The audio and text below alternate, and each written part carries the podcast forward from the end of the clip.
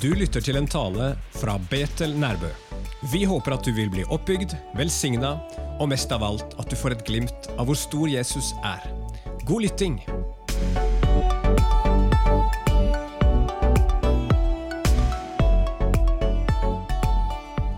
Kapittel 11 Johannes' åpenbaring. Vi har eh, vært såpass vågale her på Betel at vi har begitt oss ut på en av de vanskeligste bøkene i hele Bibelen. Prøver å komme gjennom Johannes' åpenbaring her med skinnet i behold i løpet av dette skoleåret her. Eh, Og vi har funnet ut at det er en bok som handler både om det som er, det forteller oss noe om våre liv akkurat nå, men da selvsagt også om det som snart skal komme. Og Så langt så har vi snakka om hvordan Gud han utfolder sin plan om både å frelse og dømme verden i forskjellige etapper. Vi har sett på syv seil som Gud bryter, og vi har kommet til de syv basunene. Seks av dem de har vi allerede hørt, og så har det kommet en pause nå før den syvende basunen, som vi skal høre om i dag.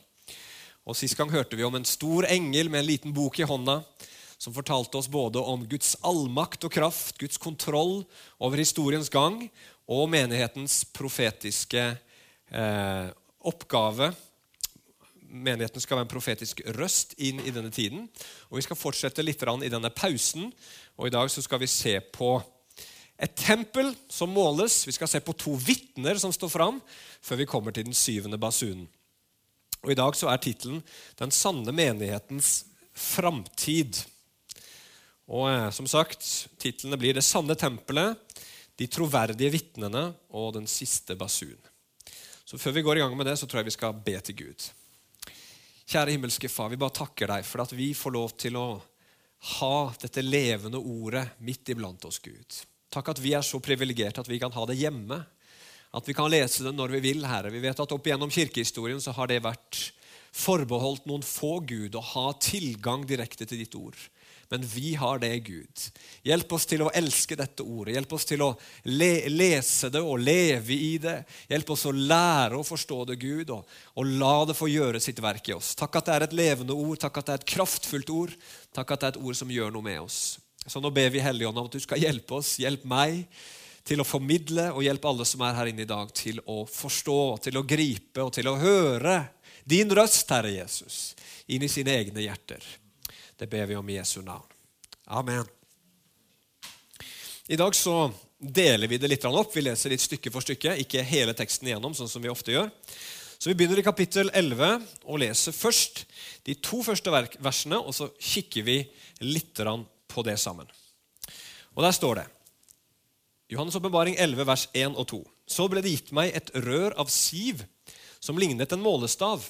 Og engelen sto fram og sa, Stå opp og mål opp Guds tempel, alteret og dem som tilber der. Men la forgården som er utenfor tempelet være, og mål den ikke. For den er gitt til hedningene, og de skal tråkke den hellige by under fot i 42 måneder. Ok, Vi begynner dagens tekst med at Johannes han får en målestav.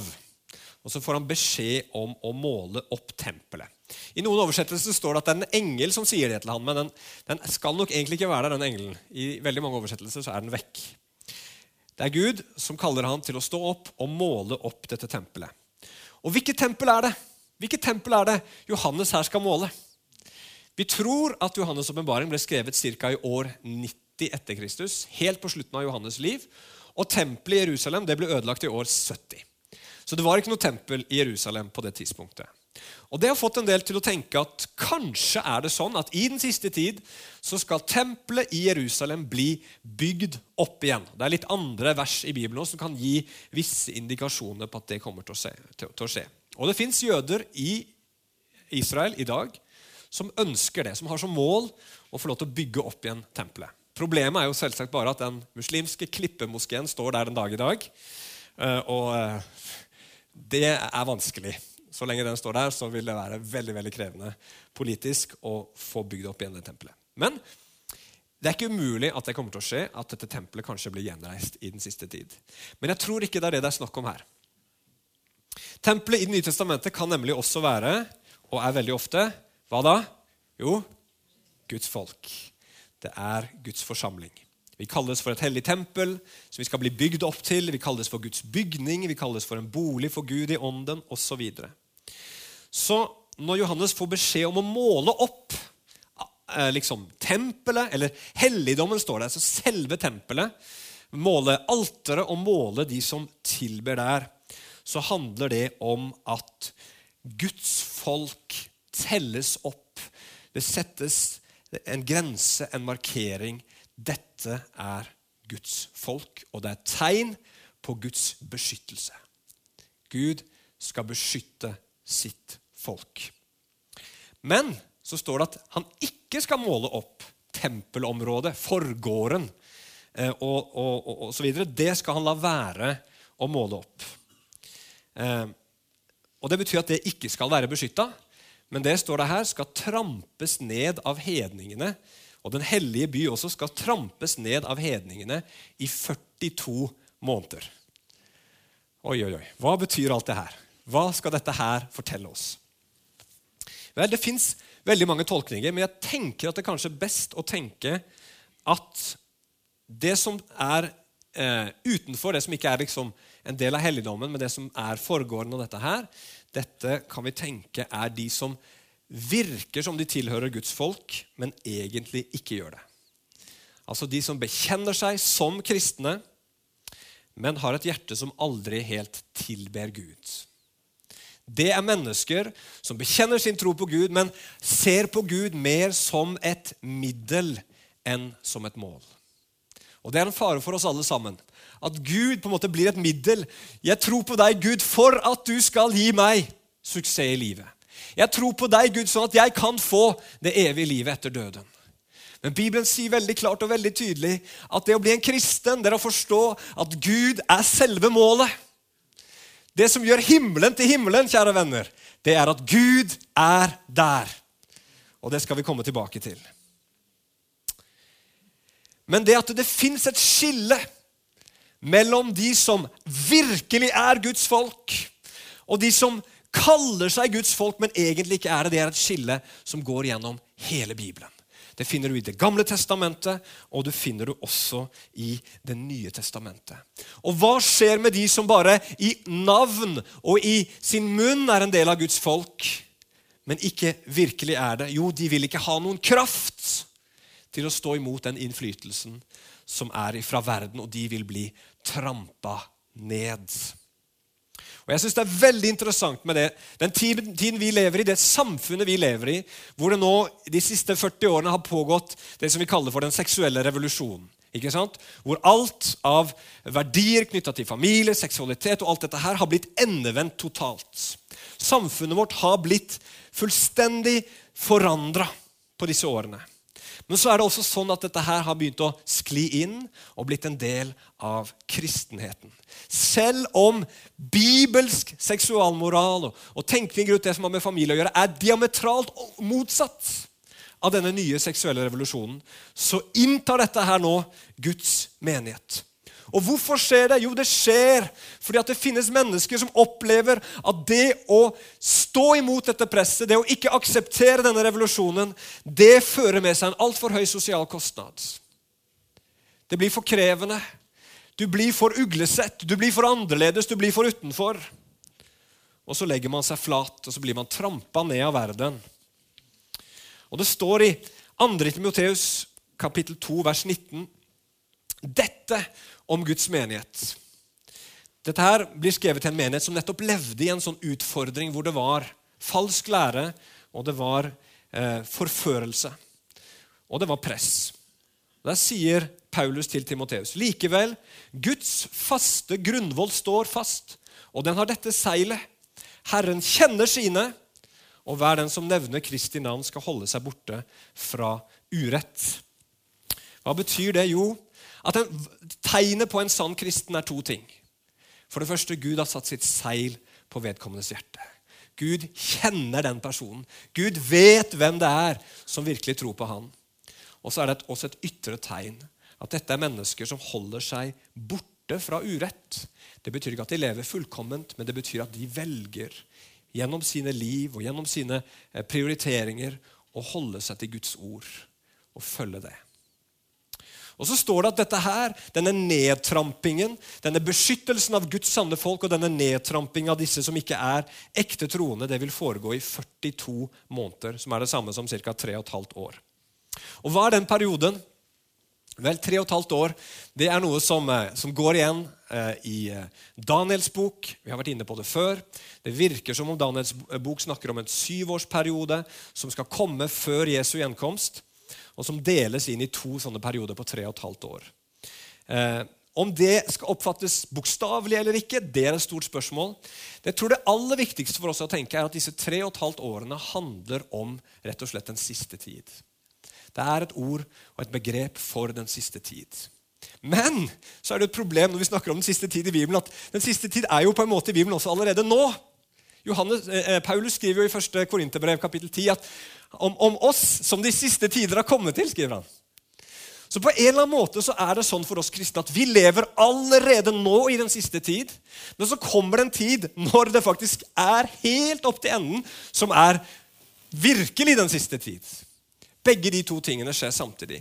Og Derfor er det også sånn det vi leser om nå, at du skal se et sånt skille i Guds folk mellom de som er de sanne, og de som ikke er sanne troende. og At det skillet skal gå midt imellom der, og de skal skilles, klinten fra hveten. Det er noe som har skjedd hele tiden opp gjennom historien eh, i, i Guds menighet, men som i den siste tid da kommer til å bli mer og mer intenst. Og Peter sier det. Dommen begynner med Guds hus, sier han. Før dommen kommer, så skal Guds hus først dømmes.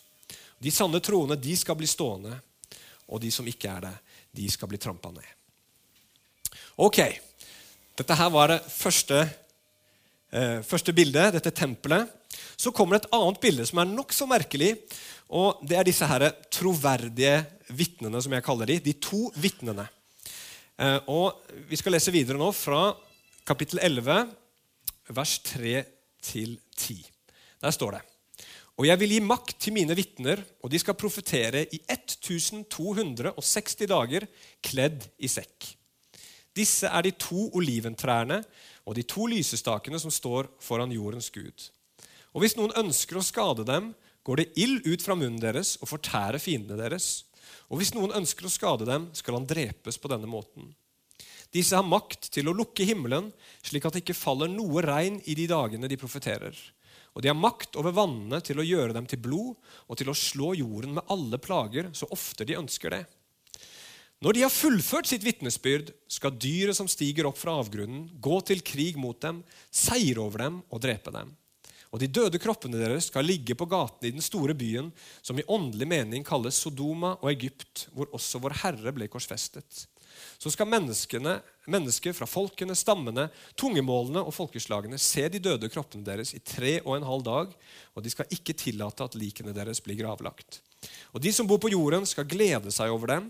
De skal være lykkelige og sende gaver til hverandre, for disse to profetene hadde plaget dem som bor på jorden. Ok, nå blir det enda vanskeligere. Disse to vitnene, hvem i all verden er det? De er kalt til å profetere i 1260 dager. og Er du god i matematikk, deler det på 360, som er ca. et år, så får du 3,5 år.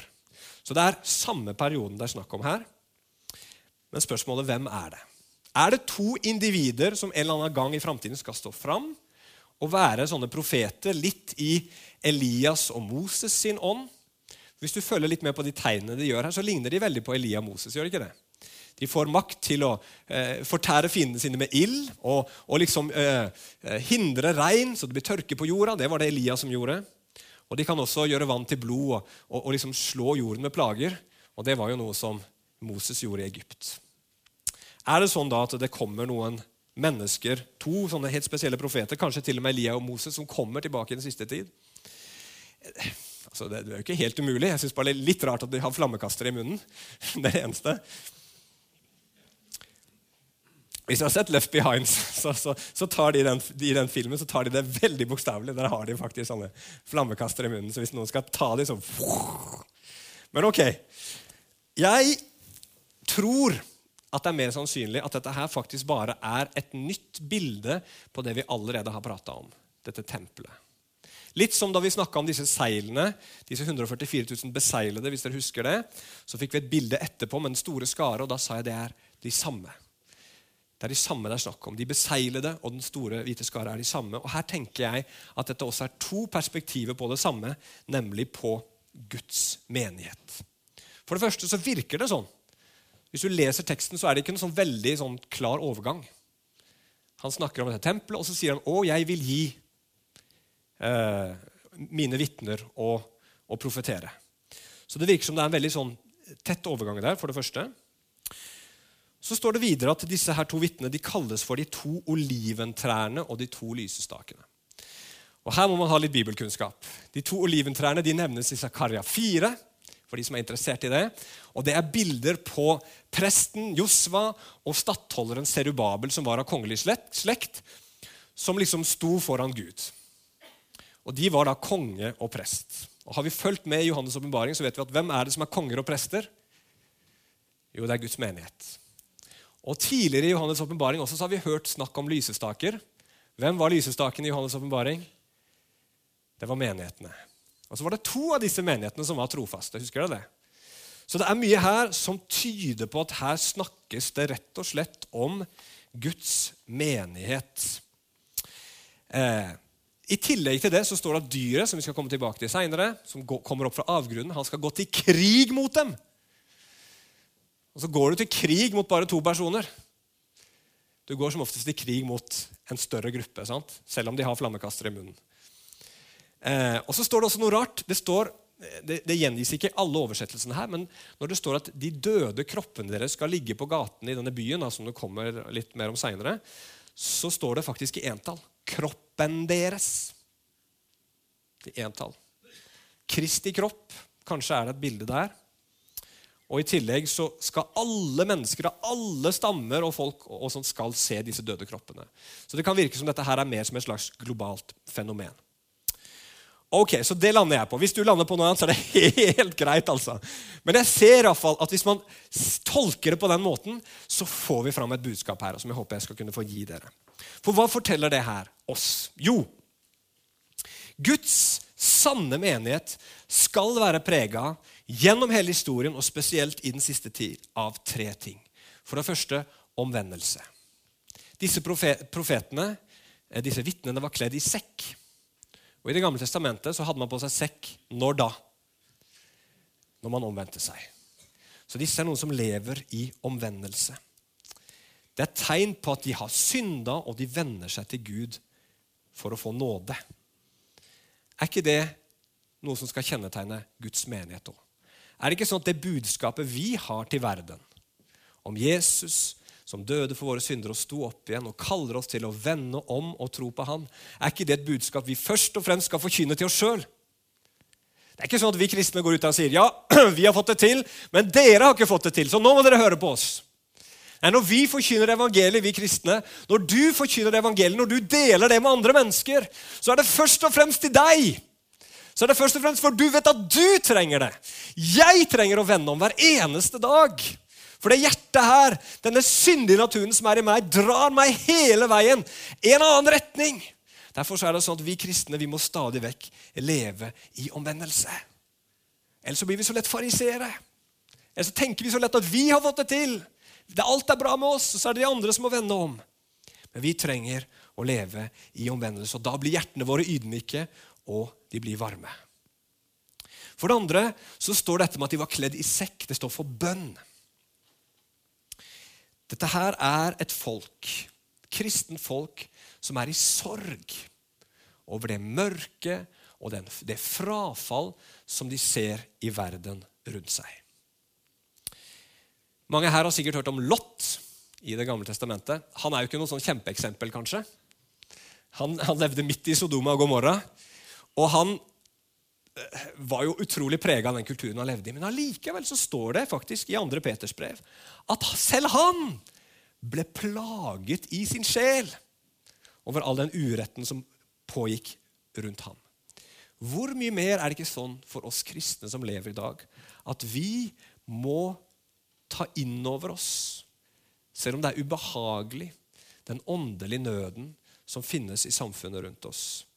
Og så skal vi kanalisere den inn i bønn for menneskene og for verden rundt oss. Betyr det at vi kristne liksom skal gå rundt i svart hele veien og ha en sørgelig mine? Vel, Det er litt begge deler tror jeg, med det å være kristen.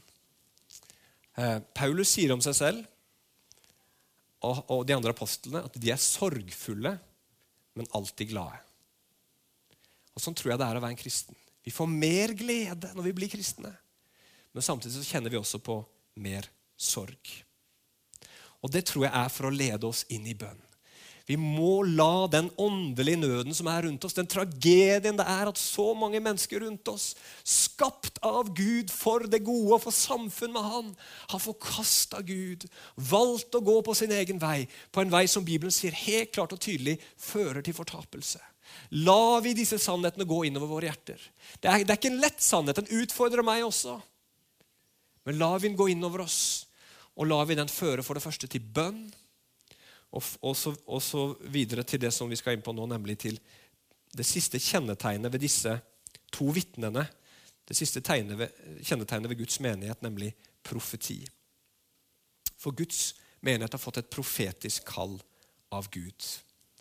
Og Hva vil det si i Bibelen å få et profetisk kall? Hva vil det si i Bibelen å være en profet? Vel, eh, Det er mye snakk om profeti nå, og veldig ofte så blir profeti i vår tid at man sier en god del positive ord til mennesker om, som ofte, ofte, som går i den retning at Gud skal gi mennesker det de drømmer om. Og Noen sier til og med at en profeti kan aldri inneholde noe negativt. Nå tror jeg definitivt at profeti kan være veldig positive. Det finnes veldig mange positive profetier i Bibelen. Men det fins også profetier i Bibelen som ikke er så fryktelig positive. Det er profetier som handler veldig ofte i Det gamle og Det nye testamentet om omvendelse og den kommende dom. Døperen Johannes, hva sa han? Hvem har lært dere å flykte fra den vreden som kommer? Jesus, hva sa han? Ved dere, Kapernaum! Det skal gå bedre for Sodoma og Gomorra enn dere på dommens dag. Hva forkynner de første kristne? Jo, det går igjen og igjen og igjen i apostlenes gjerninger, som jeg leser nå, at de sier at Gud har utvalgt seg Jesus til å komme tilbake og til å være dommer over levende og døde. Vi som Guds menighet i den tiden er kalt til å ha et sånt profetisk budskap og advare verden om den dom som kommer, og kalle dem til omvendelse, til å komme til Jesus Kristus.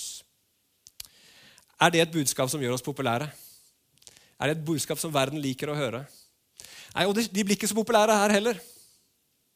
Det står det at når de endelig får tatt knekken på det til slutt, så blir de glade, for de har vært en plage.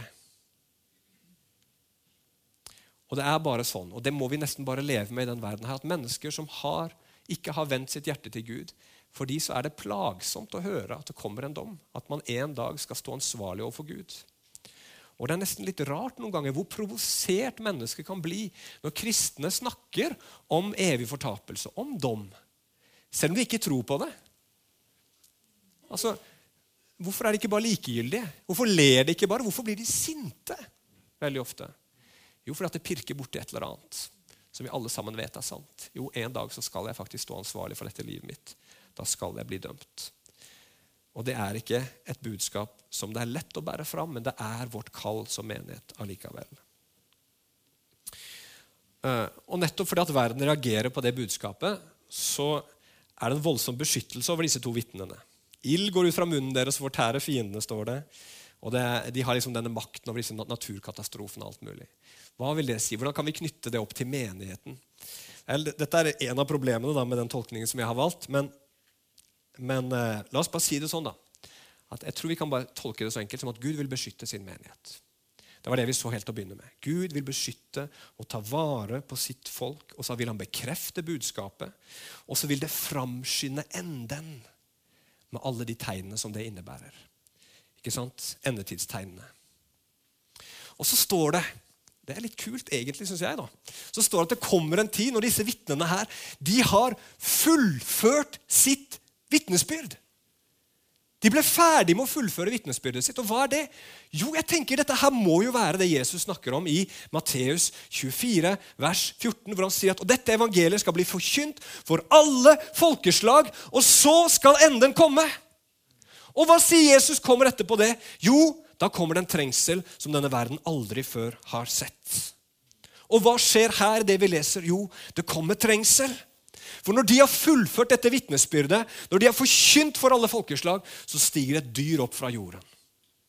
Og det er en som vi skal bli bedre kjent med i kapittel 13, men det er Antikrist. Som han kalles, eller den lovløse, som han kalles andre steder i Bibelen. Altså Et eller annet ondskapens menneske som skal få med seg hele verden eh, i opprør mot Gud. Og så gjør han et forsøk på å utrydde Guds folk på jorda. Så står det her at han lykkes. Kristi kropp, menigheten, skal ligge død på gaten i den store byen, som åndelig sett er Sodoma og Egypt, der hvor vår Herre ble korsfestet, står det. Altså, da tenker vi jo med en gang på Jerusalem, men, men Jerusalem er jo ikke en veldig stor by. Så det kan godt hende at dette her heller representerer det som Bibelen noen gang snakker om som det jordiske Jerusalem, i motsetning til det himmelske Jerusalem. Nemlig en verden som er forført av, av synden og under syndens slaveri. Altså Det er mange som har forsøkt å utrydde kristen tro opp igjennom. ikke sant? Mao er kanskje det største eksempelet på det. De prøvde seg i Kina, og det så ut som han hadde lykkes. Og plutselig så bare vom, popper det opp igjen. Og den største vekkelsen i verdenshistorien skjedde nettopp i det landet hvor man prøvde å utrydde kristendommen. Og Dette har skjedd opp igjennom, men så virker det som om Bibelen sier at i den siste tid så skal dette skje på en global skala, og Guds menighet skal være fullstendig knust. Sånn ser det ut her.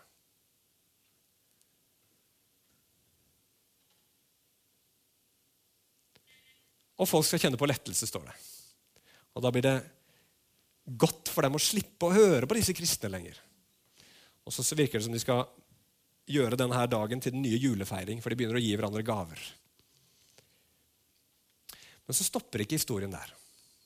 Heldigvis. La oss lese hva som kommer videre under den siste overskriften, den siste basuen. Etter tre og en halv dag kom livsånden fra Gud inn i dem, og de sto på føttene sine, og stor frykt kom over dem som så dem. Og de hørte en høy røst fra himmelen si til dem, Kom opp hit.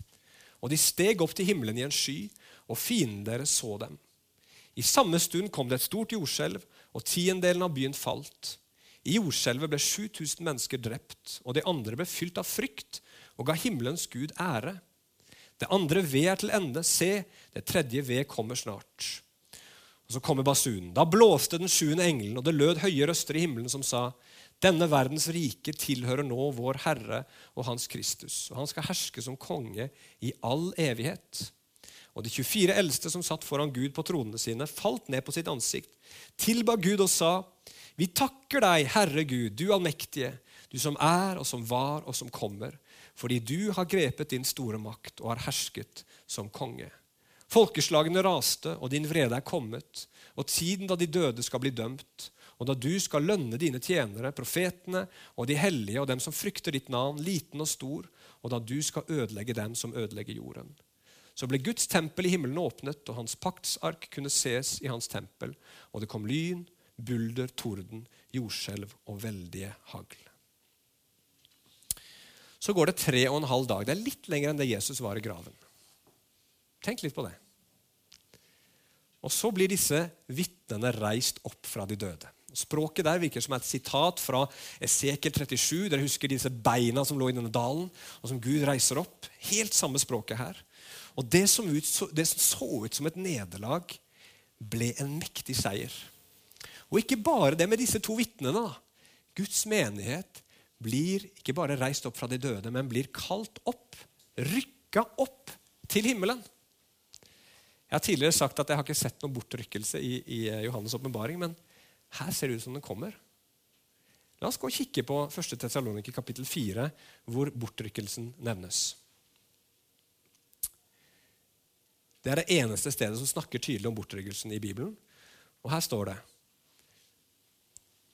1. Tessaloniki 4, vers 15-17. For dette sier vi til dere med et Herrens ord, at vi som lever og blir igjen til Herrens gjenkomst, skal på ingen måte komme i forveien for dem som er innsovnet.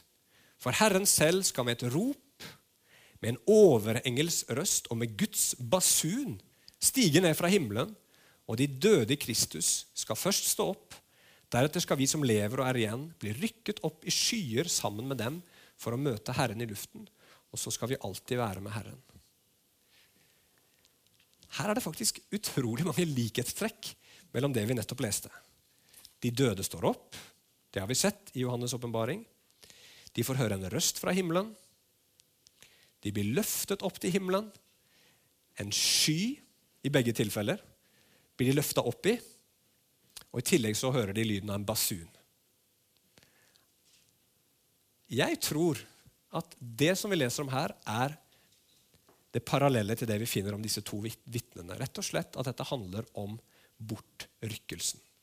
Altså etter at Guds menighet har oppfylt misjonsbefalingen, brakt ordet ut til alle folkeslag i verden, så kommer det en stor forfølgelse som får, som får det til å se ut at den globale kirken er fullstendig utsletta. Det ser ut som alt er tapt, og så kommer Jesus tilbake igjen. Og da blir alle kristne reist opp, de som lever da, og så får de møte Jesus og bli rykka opp i sky da, i, i, i himmelen og få møte han der. Og Da blir det ikke sånn som i Left Behind, for de som blir rykka bort der, de bare forsvinner, de fordufter. Så bare ligger klærne igjen. Her er det snakk om at de faktisk blir løfta opp, så alle sammen ser dem. Og Det blir litt jordskjelv, og, og, og, noen dør. Og, og, menneskene ærer og frykter Gud, står det. Kanskje finnes det en eller annen omvendelse som finner sted da. Jeg vet ikke. Men det er i hvert fall nå at den syvende og siste basunen gjaller. Og nå blir det ikke stille i himmelen, sånn som det ble da det syvende seilet ble brutt. Men en stemme roper ut at nå kommer Gud for å regjere. Jesus kommer for å sette seg på tronen i all evighet. Og så blir det tilbedelse. De 24 eldste som vi har hørt om flere ganger, de kaster seg ned, og de tilber Gud, for de sier, 'Nå, Gud, har du endelig grepet din makt.' Gud har alltid og kommer alltid til å være allmektig. Men nå kommer den tiden hvor Gud ikke lenger tolererer noe opprør eller at menneskene går sin egen vei. Nå setter han foten ned og så sier han, 'Nå er nok nok'. Og så står det at han bringer vrede og ødeleggelse over alle dem som i sin vrede mot ham ødela jorden gjennom sin egen synd og egoisme. Han skal ødelegge dem som ødelegger jorden, står det. Det høres jo ganske rettferdig ut. Og så skal Gud lønne alle sine tjenere. De skal få lønn. Og hva er lønnen? Det står det flere steder i Bibelen at hvis vi som er troende og skal få møte Gud, vi skal få lønn. Og Det sier vi veldig ofte hvis noen skal gjøre noe vi ikke kan betale dem for. I menigheten sier vi at du skal få lønn i himmelen. ikke sant? Men hva er lønnen? Det står ikke helt tydelig hva lønnen er. Men jeg tenker lønnen den beste lønnen, den tydeligste lønnen i det vi leser her, det er det som har med denne paktsarken som blir synlig. Det er jo litt sånn mystisk. Og Guds paktsark ble synlig i himmelen. Det er sikkert veldig mange måter å tolke det på, men én ting i hvert fall paktsarken betyr og betydde i Det gamle testamentet, det var Guds nærvær. At paktsarken hjelpes, det var et vanskelig ord, var der, betydde at her er Gud. Ikke sant? Den sto inni det aller helligste, der hvor Gud var. Når de tok med seg paktsarken ut i striden, så var det et tegn på at Gud var med dem. Hva er den lønnen som venter deg? Hva er den lønnen som du skal få? Du som følger Jesus, går med han gjennom vanskeligheter og prøvelser. Jo, du skal få den største lønnen av dem alle. Du skal få lov til å være med Gud. Være nær han i all evighet. Og da synes jeg Det ble så fint i denne passasjen her at ringen på en måte er slutta.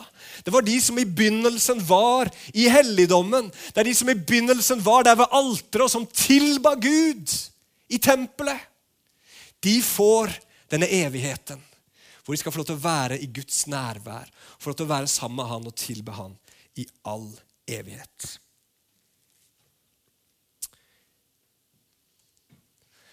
Vil du følge Jesus? Vil du følge Han, som ifølge disse ordene her er det sanne tempelet? Eller som Bibelen sier er det sanne tempelet. Vil du følge Han som er det troverdige vitnet, som gikk rundt på denne jorda her i ca. tre og et halvt år? og forkynte evangeliet om riket, kalte mennesker til om, omvendelse og var etterfulgt av store tegn og under.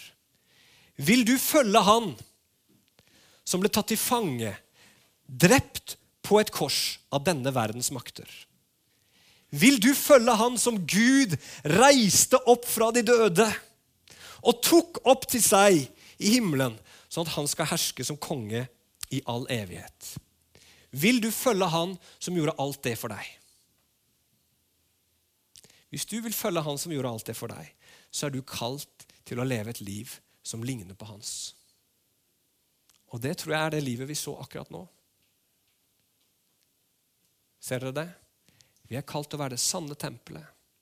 Vi er kalt til å følge Jesus i å forkynne, og Gud skal være med oss, sånn som han har lovt. Men vi er kalt til å lide for ham. Vi er kalt til å oppgi våre liv. Når du blir en kristen, så har du allerede mista ditt liv, sier Bibelen.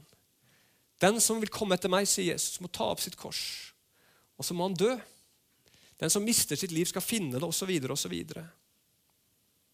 Og når vi hører at kanskje det skal være sånn en gang i framtiden at det skal virke som om Guds menighet, som Gud har satt på jorden, her skal bli beseira, så tenker vi det kan jo ikke skje. Det, det, det, kan ikke stemme. Det stemmer ikke med sånn som jeg tenker om Gud. Gud skal jo la det bli triumf til slutt. Gud skal jo la, la sin menighet få seire til slutt.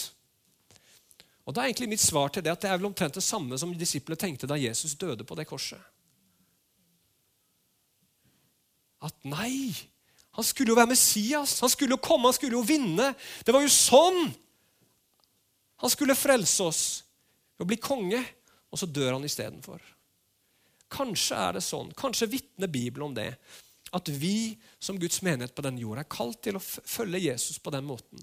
Og at helt i den siste tid så skal det bli en sånn en forfølgelse av det kristne at veldig veldig mange må gi sine liv for Jesus da, i det øyeblikket da, da det ser ut som alt har tapt, og som det onde har triumfert, da kommer Jesus tilbake. Og så reiser han opp sin menighet. Og så blir det en ny himmel og en ny jord. Skal vi følge, vil, vil du følge Jesus? Skal vi følge han? Vi vil legge ned våre liv for Jesus. Det er spørsmålet.